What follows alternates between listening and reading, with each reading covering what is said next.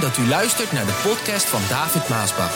We hopen dat u erdoor geïnspireerd en opgebouwd wordt.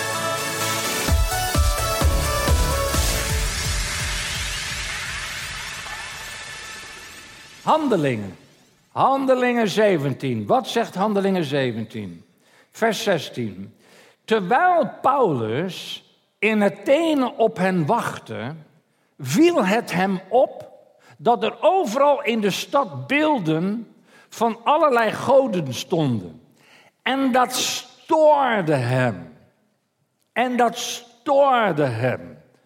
Ik vind het nog netjes gezegd, dat stoorde hem.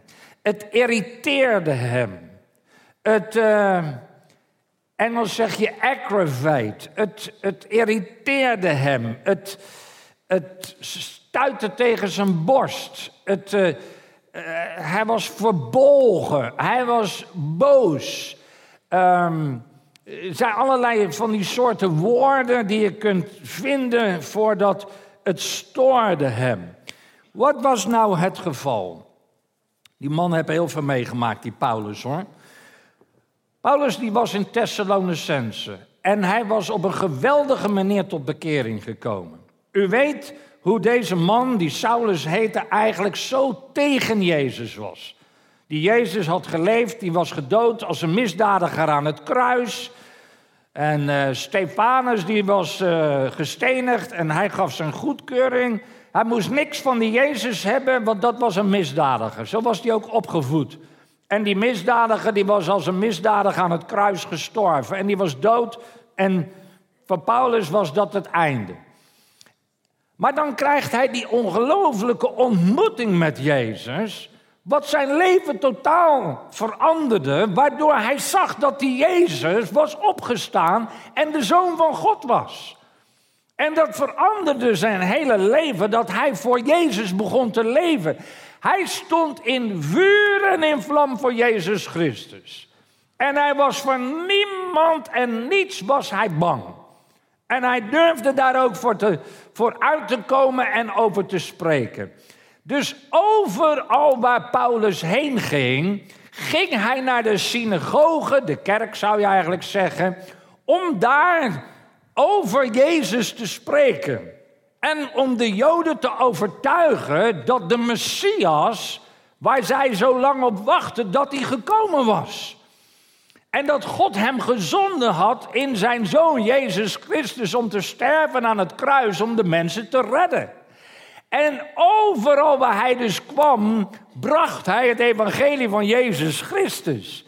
En dat bracht elke keer verdeeldheid. Elke keer onrust, opstootjes. Want nadat hij dan daar gepreekt had of gesproken had, waren er altijd mensen die, ja, wij noemen dat vandaag tot bekering kwamen, tot geloof kwamen. En er waren natuurlijk mensen die er niks van moesten hebben. En, en dat werd een verdeeldheid, dat, werd een, een ja, dat ging tegen elkaar uh, praten natuurlijk. Degene die voor waren, degene die tegen waren. En degene die voor waren, die zeiden dan: Vertel ons meer over wat je aan het vertellen bent. Wij willen meer daarvan weten. En de anderen, die zeiden: Nou, we moeten er niks van hebben. Weg met die praatjes maken. Weg met die. Wie is die vent? Hè? Het een of andere gek die allerlei dingen verzint. Zo overal kwamen telkens van die opstootjes. En dan kwam hij in het nauw. Dat gebeurde ook in Thessalonicense. En dan gaat hij van Thessalonicense naar Berea. Het eerste wat hij doet in Berea is gelijk naar de synagoge gaan op de Sabbat om het evangelie weer te preken. En daar gebeurde weer hetzelfde. Maar op sommige plaatsen was het zo heftig dat ze eigenlijk hem wilden doden. Paulus wilde doden, want zo kwaad. Ik kan me heel goed voorstellen waar Paulus mee te maken had met die geesten.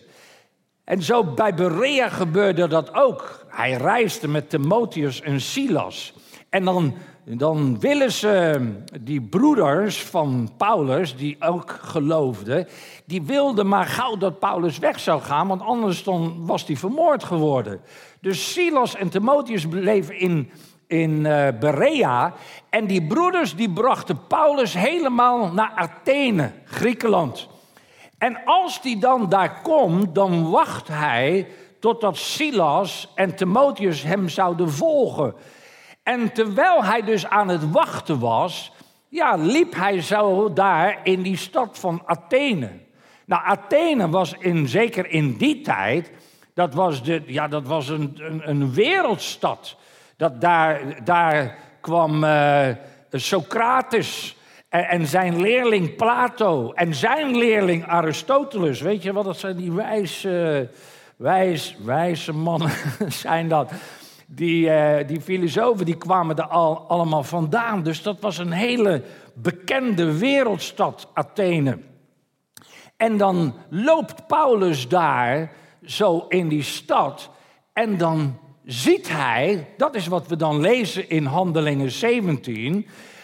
Terwijl Paulus in Athene op hen wachtte, op Silas en op Timotheus. En hij daar rondloopt, viel het hem op dat er overal in die stad beelden van allerlei goden stonden. En dat stoorde hem. Dus hij, vol van de Heilige Geest, in vuur en in vlam voor Jezus, wandelt daar in die stad en dan ziet hij al die afgodsbeelden. En als hij dan die afgodsbeelden ziet, dan irriteert het hem. En hij stoort zich daar gewoon aan. Het, het, het daagt hem uit dat hij dat ziet. En dat hij denkt, ja, ik wou bijna wat zeggen. Ik wou potjandozi zeggen, dat zijn mama heel vroeger altijd. Wat is dit hier?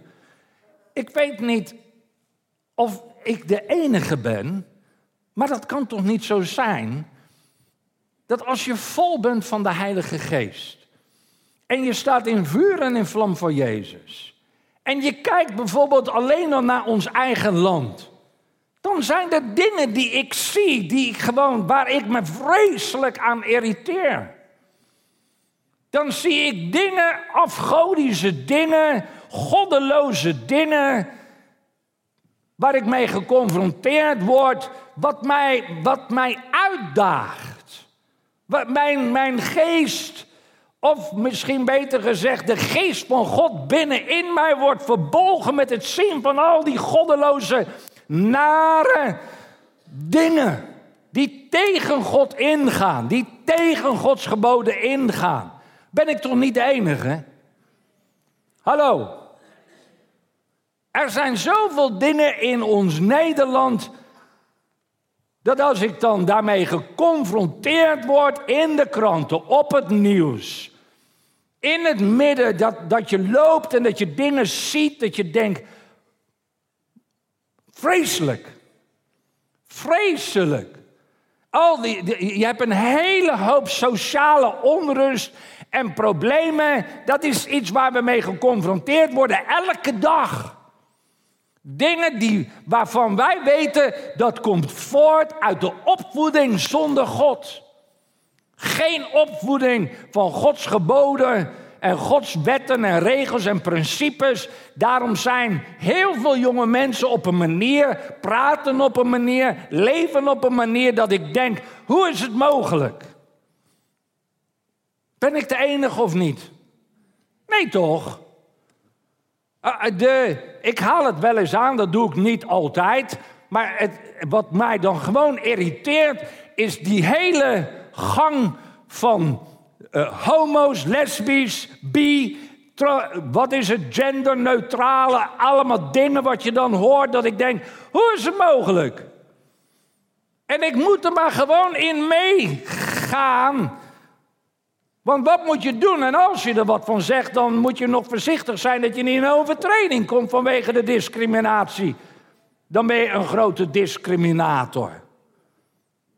Eh, eh, we hebben een geweldige blessingkerk in Gouda. Was het dit weekend niet roze, weet ik veel wat, roze zaterdag in Gouda? Gouda!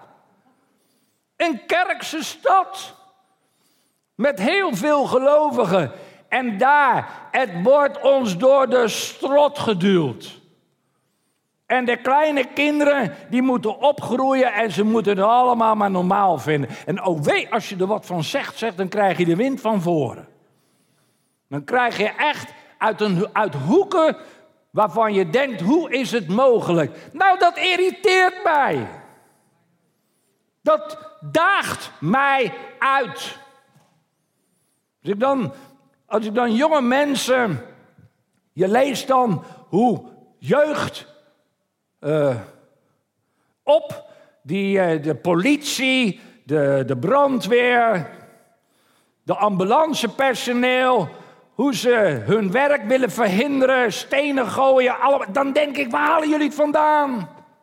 Geen respect. Geen respect voor ouderen.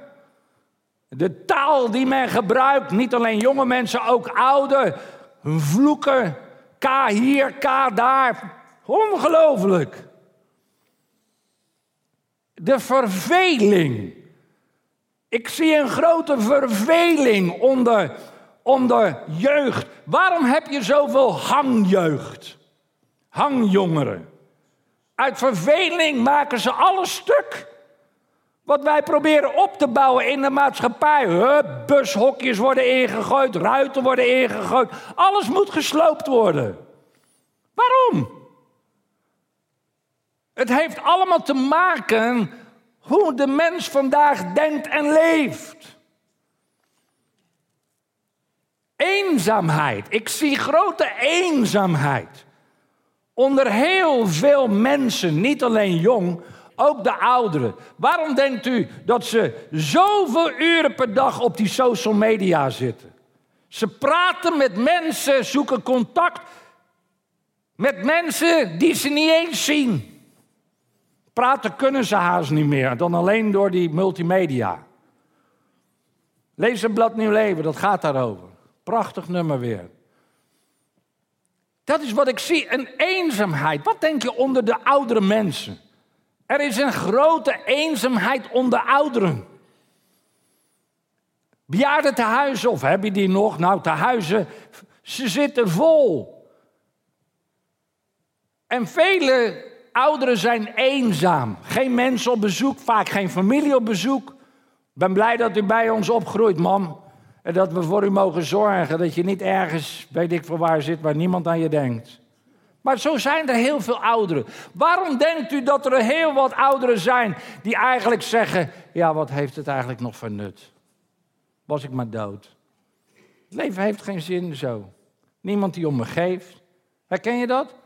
In het huizen? Niemand die om me geeft. Niemand die op bezoek komt. Ach, ja, ik ben wel voor het leven in eigen hand nemen. En dat ik een einde kan maken als ik voltooid ben. Dat is ook weer zoiets. Ook weer zoiets van deze tijd. U moet niet denken dat deze tijd anders is dan die tijd van Athene. De tijd van Athene was het hart van de mens even slecht als vandaag. De dingen die daar gebeuren, gebeuren vandaag ook. Alleen, alleen, luister, we hebben zulke mooie woorden gevonden. Met andere woorden, we leven precies hetzelfde. Ofwel, nog beter gezegd, het hart van de mens is nog precies hetzelfde. Maar, oh ja, voltooid leven. Euthanasie. Hoe verzin je het? Euthanasie. Als ik dan het juiste en ware woord ervoor gebruik, dat is gewoon zelfmoord. Nee, ah, dat wil je niet horen. Dat klinkt niet fijn. Zelfmoord.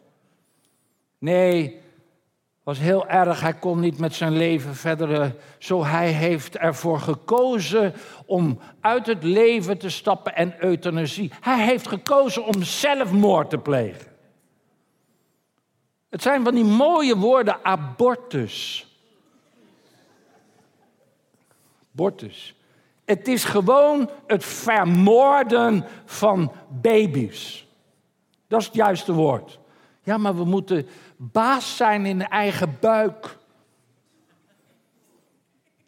En de wet staat erachter allemaal, hè? Het is allemaal legaal.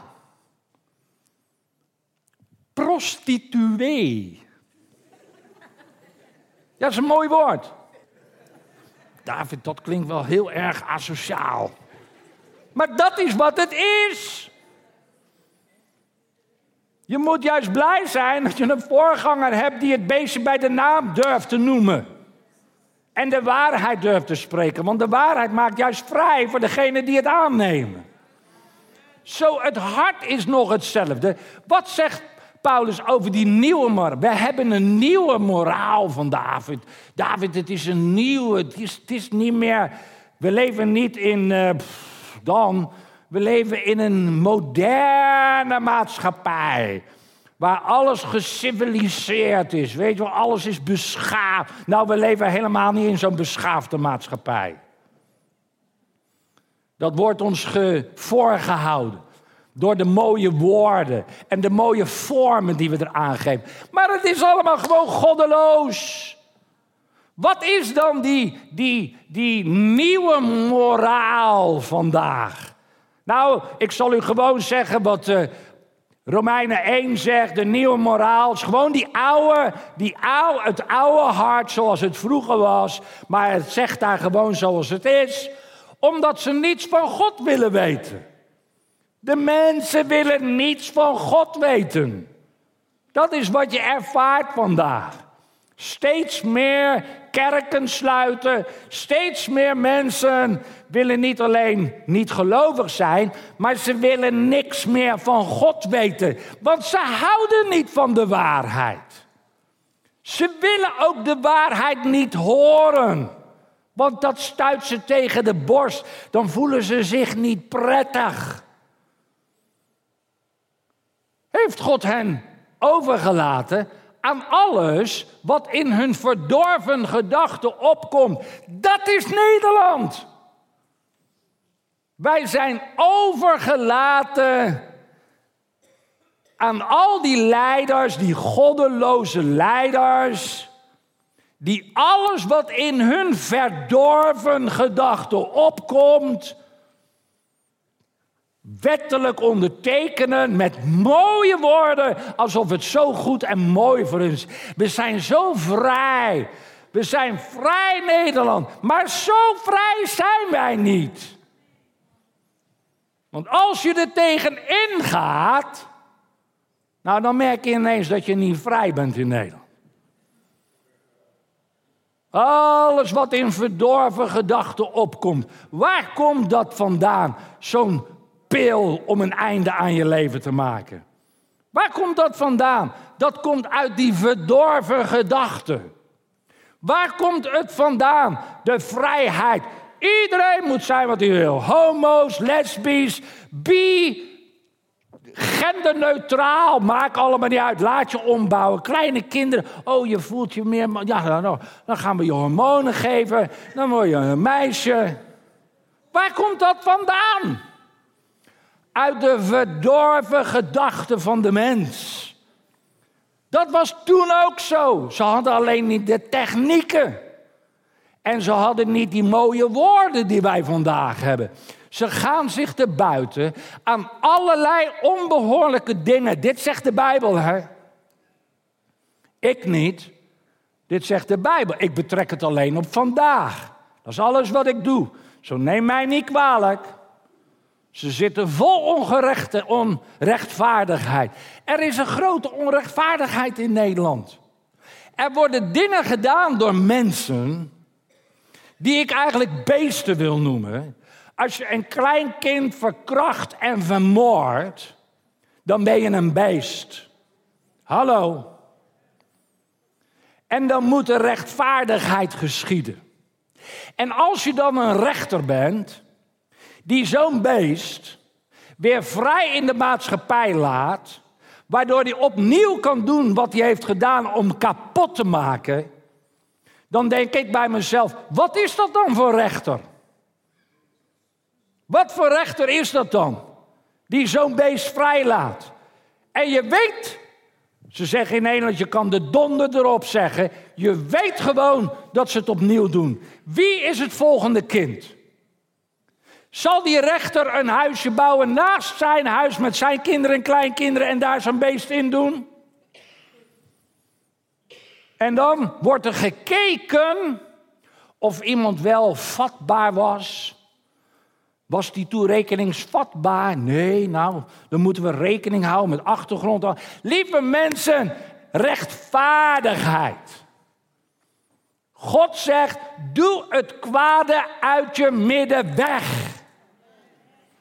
Weet je wat de Bijbel zegt? Een molensteen om de nek en in de zee. Bij dat soort mensen. Maar David, dat is toch niet beschaafd?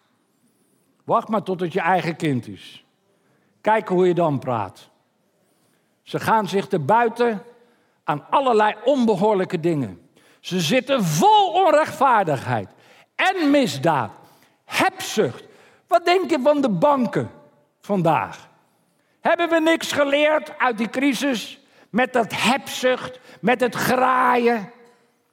Al die miljoenen salaris, weer 50% erbij. Ja, anders kunnen we die niet krijgen, moeten ze wel verdienen. Maar wat dan met het gewone volk daar? Nou, die niet, die 2%. Het is hebzucht. Hebben we wat geleerd? Nee, want de banken doen nog precies hetzelfde en het wordt nog erger ook. Heeft met hebzucht te maken. Dat zagen we toen en dat zien we vandaag. Zo'n man die miljoenen verdient, waar denk je dat u rente voor moet betalen? Hallo. Ze zitten vol onrechtvaardigheid, misdaad, hebzucht, kwaadaardigheid, jaloezie. Ze zijn uit op moord, ruzie, list, bedrog. Hallo, dit is de moraal ook van vandaag. Je hoort het goed, omdat ze niets, oh, gemeen als ze zijn, gemeen als ze zijn, ze zijn gemeen. En weet je wat ik het erger vind? Als christenen, of laat ik het zo zeggen, mensen die zich christenen noemen, zo vleeselijk zijn en deze dingen ook doen. En dat gebeurt in de kerk. Heb je wel eens christelijke stelers gezien? Ja, David, ik heb een hoop christenen die. Nee, het zijn stelers die zich christenen noemen. Het is precies andersom, denk daar maar over na. Houden zij van roddel, kwaadsprekerij. Daarom hou ik er niet van als men in de gemeente roddelt en kwaad spreekt. We moeten goed over elkaar praten. Gemeente hoog houden. Ze haten God. Het zijn brutale, verwaande opscheppers. Hallo. Hoor je dat? Dat is de moraal van toen, dat is de moraal van vandaag. Ze weten altijd wel iets slechts te bedenken. En zijn hun ouders ongehoorzaam. Ze zijn onverstandig, onbetrouwbaar, liefdeloos, genadeloos. Hallo. Dat was het moraal van toen en het is het moraal van vandaag. Ze weten dat God dit niet kan toestaan. Want wie zoiets doet, verdient de dood. Verdient de dood. Doodstraf. Maar toch doen ze het. Nee, erger nog, ze vinden het prachtig als anderen eraan meedoen. Kijk, en dat moet je ook maar eens goed onthouden. Er zijn altijd van die mensen, ook in de kerk, en die durven zelf niet alles te doen, maar die zetten jou ergens toe aan om iets te zeggen en te doen omdat ze het zelf niet durven. En als jij het doet, vinden hun het prachtig, maar zij houden hun mond. Hallo, kijk mij maar aan. Ik vertel de waarheid. Zo is het.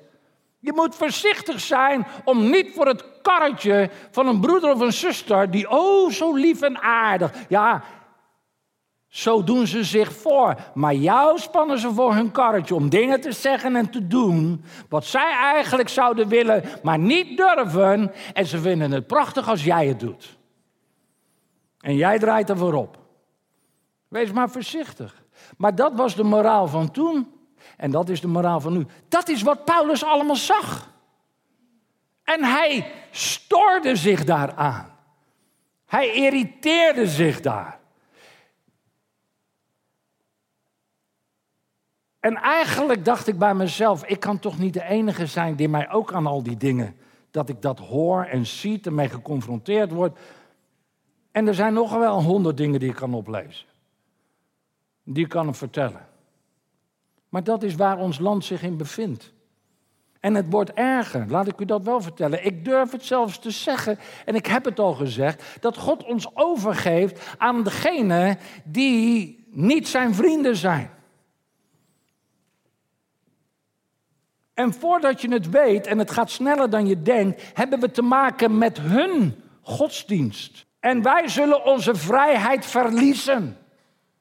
En hoe komt dat? Omdat God ons overgeeft, zoals hij hen overgaf aan hun verdorven gedachten, waardoor zij alles konden doen wat verdorven is. Zo geeft God ons vandaag over aan al die mensen die met hun godsdiensten binnenkomen in ons land. En zij krijgen kinderen en grote geslachten, gezinnen. En ze komen in de regeringen en in overheden. En wij, de democratie, moet hun de vrijheid geven. En zo worden wij straks de minderheid en hun de meerderheid.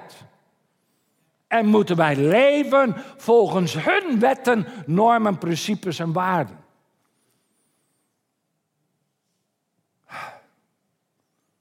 Dat is de waarheid en de realiteit. Ja, we zijn nog niet zo. Nee, David, David, David. Nee, joh, dat kan toch niet in Nederland? Ja, dat was toen en het is nu. Al die Israël-haters bij de tienduizenden halen wij binnen. Zij blijven Israël haten willen niets anders dan Israël vernietigen. En daaraan gelinkt zitten ook de christenen, want wij komen daaruit voort. Nou, poe, poe, poe zeg.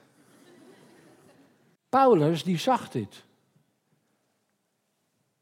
En hij stoorde zich aan al die dingen. Ik hoop u ook. En dat het iets in je wakker maakt. Waardoor je tot God gaat bidden. Waardoor je zegt, oh God, wees ons alsjeblieft genadig. Mijn kinderen, mijn kleinkinderen, alsjeblieft, oh God. Laat uw vuur toch branden in ons midden en in ons hart. Dat we het niet allemaal maar over ons laten komen en het gebeurt. Maar ja, wat moet ik eraan doen, David? Wat moet ik eraan doen? Nou, in vuur en in vlam voor Jezus staan. En, en hiervoor uit durven komen. En de mensen uitnodigen om te komen, zodat ze de waarheid horen. Paulus zocht ook een manier. Kijk, het is niet altijd verstandig om deze dingen buiten op een zeepkistje te zetten, hier in deze buurt. Hè? Ook niet met een vlag van Israël rond te gaan lopen. Dat zou ik niet doen als ik u was. Al erg hè, dat je dat niet eens kan doen hè. Hallo, je kan niet met een keppeltje oplopen en met de vlag gaan lopen, want dan is je leven in gevaar. Dat is al erg genoeg in ons vrij Nederland. Of ergens gaan zitten in een praatprogramma en deze dingen zomaar te noemen. Je moet wel geleid worden door de geest Gods. Maar onder Gods kinderen moeten ze genoemd worden. Het moet gezegd worden, zodat Gods kinderen aware zijn van de situatie. En zo Paulus zocht ook een manier. En dan lezen wij hoe hij daarop ingaat in die stad. Want hij gaat weer, zoals gewoonlijk, weer naar de synagoge om te praten.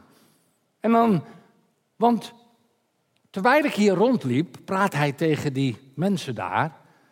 En de beelden en de altaren van uw goden bekeek, zag ik ook een altaar waarop stond voor de onbekende God.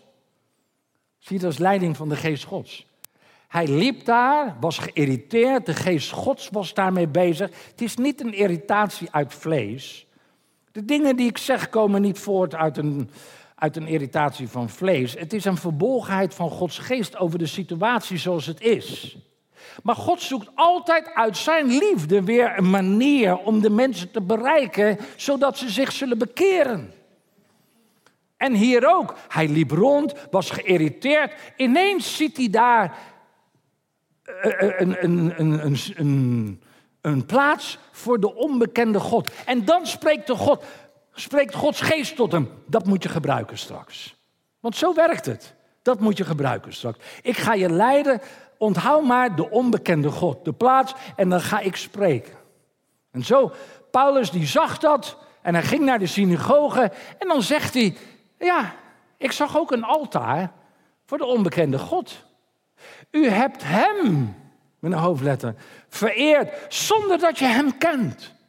Hij, hij vond een ingang om tot de harten van die mensen te komen. En nu kom ik u over hem vertellen. Wat een ingang, hè? Jullie eren een onbekende God. Je weet niet wie je eert, maar ik ken hem. Ja, hij kende hem, hij had hem ontmoet. Op de weg naar Damascus en zijn ogen waren opengegaan. En de geest Gods sprak door hem. Lieve mensen, wees niet bang om een getuige te zijn. Je zal zien dat de Heilige Geest door je heen gaat spreken. Die laat je dingen zien, dingen horen, waarvan je zelf weet, dat komt niet van mij. Oh, dat komt niet van mij, ik heb dat niet. Nee, dat doet de Geest Gods door je heen.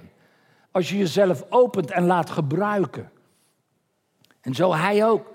Ik kom je juist om over hem te vertellen. De God die de hele wereld heeft gemaakt. Hij is de schepper. De Heer van de hemel en aarde, die woont niet in tempels die door mensen zijn gebouwd. Zie, hij zag al die goden van hout en steen en tempels van hout en steen die hun vereerden. Het hoeft ook niet. Hij hoeft ook niet door mensen verzorgd te worden. Omdat hij niets nodig heeft. Onze God heeft niets nodig. Hij geeft ons leven en adem en alles wat we nodig hebben. Hij heeft alle volken laten voortkomen uit één mens. Hij sprak over de schepping. Ah, iedereen komt voort uit, uit één mens die door hem was gemaakt. En verspreidde hen overal over de aarde. Hij stelde vast hoe lang zij zouden leven en binnen welke grenzen zij zouden wonen. Hij bepaalde dat de mensen hem zouden zoeken in de hoop dat zij hem misschien na veel rondtasten zouden vinden. Hoor je zijn boodschap? Hij, spreekt in het algemeen en toch tot de individu. Ja, oh, ik ken hem. Hij, God is de schepper en, en hij heeft het allemaal laten gaan. Maar hij hoopt dat hier mensen zijn dat als je hem zoekt, zal je hem vinden. Vertrouwende op de Heilige Geest. Toch is God niet ver weg bij ons. Want in hem leven wij, bewegen en zijn wij. Een van uw dichters heeft het zo gezegd. Nou ja, daar geloofden ze wel in, dichters, hè, met al die wijsgeren. Wij zijn uit hem voortgekomen. Wij zijn dus uit God voortgekomen. En moeten niet denken dat wij hem kunnen uitbeelden in goud, zilver of steen. Wat een boodschap zeg aan deze mensen. God is niet te vangen in een kunstwerk of de verbeelding van een mens. Hij heeft de domheid van de mensen een hele tijd geduldig verdragen. Dat doet God vandaag ook. God verdraagt al die dingen die vandaag ook in Nederland gebeuren. En, hij zegt misschien niets waarvan je denkt, dat hij dood is, want daarom denken mensen dat hij dood is, want er gebeurt niks. Nee, hij verdraagt geduldig, maar roept hen nu allemaal op tot een volledige omkeer. Dat is ook wat ik predik. God verdraagt het, maar God wil dat de mensen zich bekeren. Ook in Nederland, ook in de kerk. Sommige kinderen Gods moeten zich bekeren. Want hij heeft een dag vastgesteld waarop hij rechtvaardig over de mensheid zal oordelen. Die dag komt. Die zal komen. Door een man die hij daartoe heeft aangewezen. Hij sprak over Jezus. Om iedereen te garanderen dat hij zijn woord zal houden, heeft hij die man uit de dood laten terugkomen. Ja, hij had hem ontmoet. Paulus had hem ontmoet. Hij had hem gezien met eigen ogen. Hij had hem horen spreken. Hij was uit de dood opgestaan. Toen zij Paulus hoorde vertellen dat er iemand uit de dood was teruggekomen, lachten sommigen hem uit. Ja, dat zullen er altijd doen. Er zullen er mensen zijn die je uitlachen, die mij uitlachen om de dingen die ik zeg.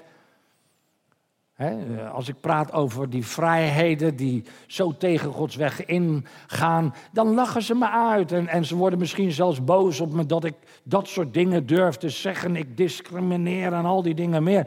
Maar anderen zeiden: hé, hey, daarover moet u nog eens wat meer vertellen. Lieve mensen, dit zal ook bij u gebeuren.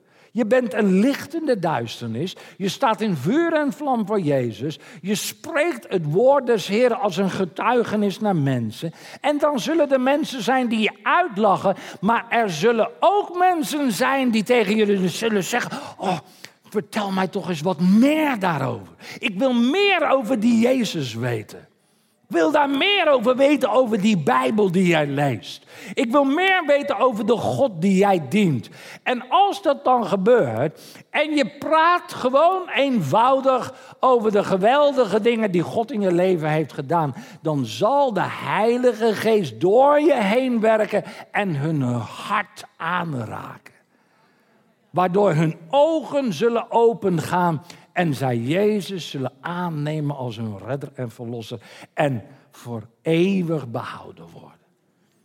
Wees dus een kind van God die in vuur en in vlam voor Jezus staat, die niet bang is, maar stand durft in te nemen aangaande God, zijn woord, zijn wetten, zijn principes en regels. En voed je kinderen daarin op. Amen.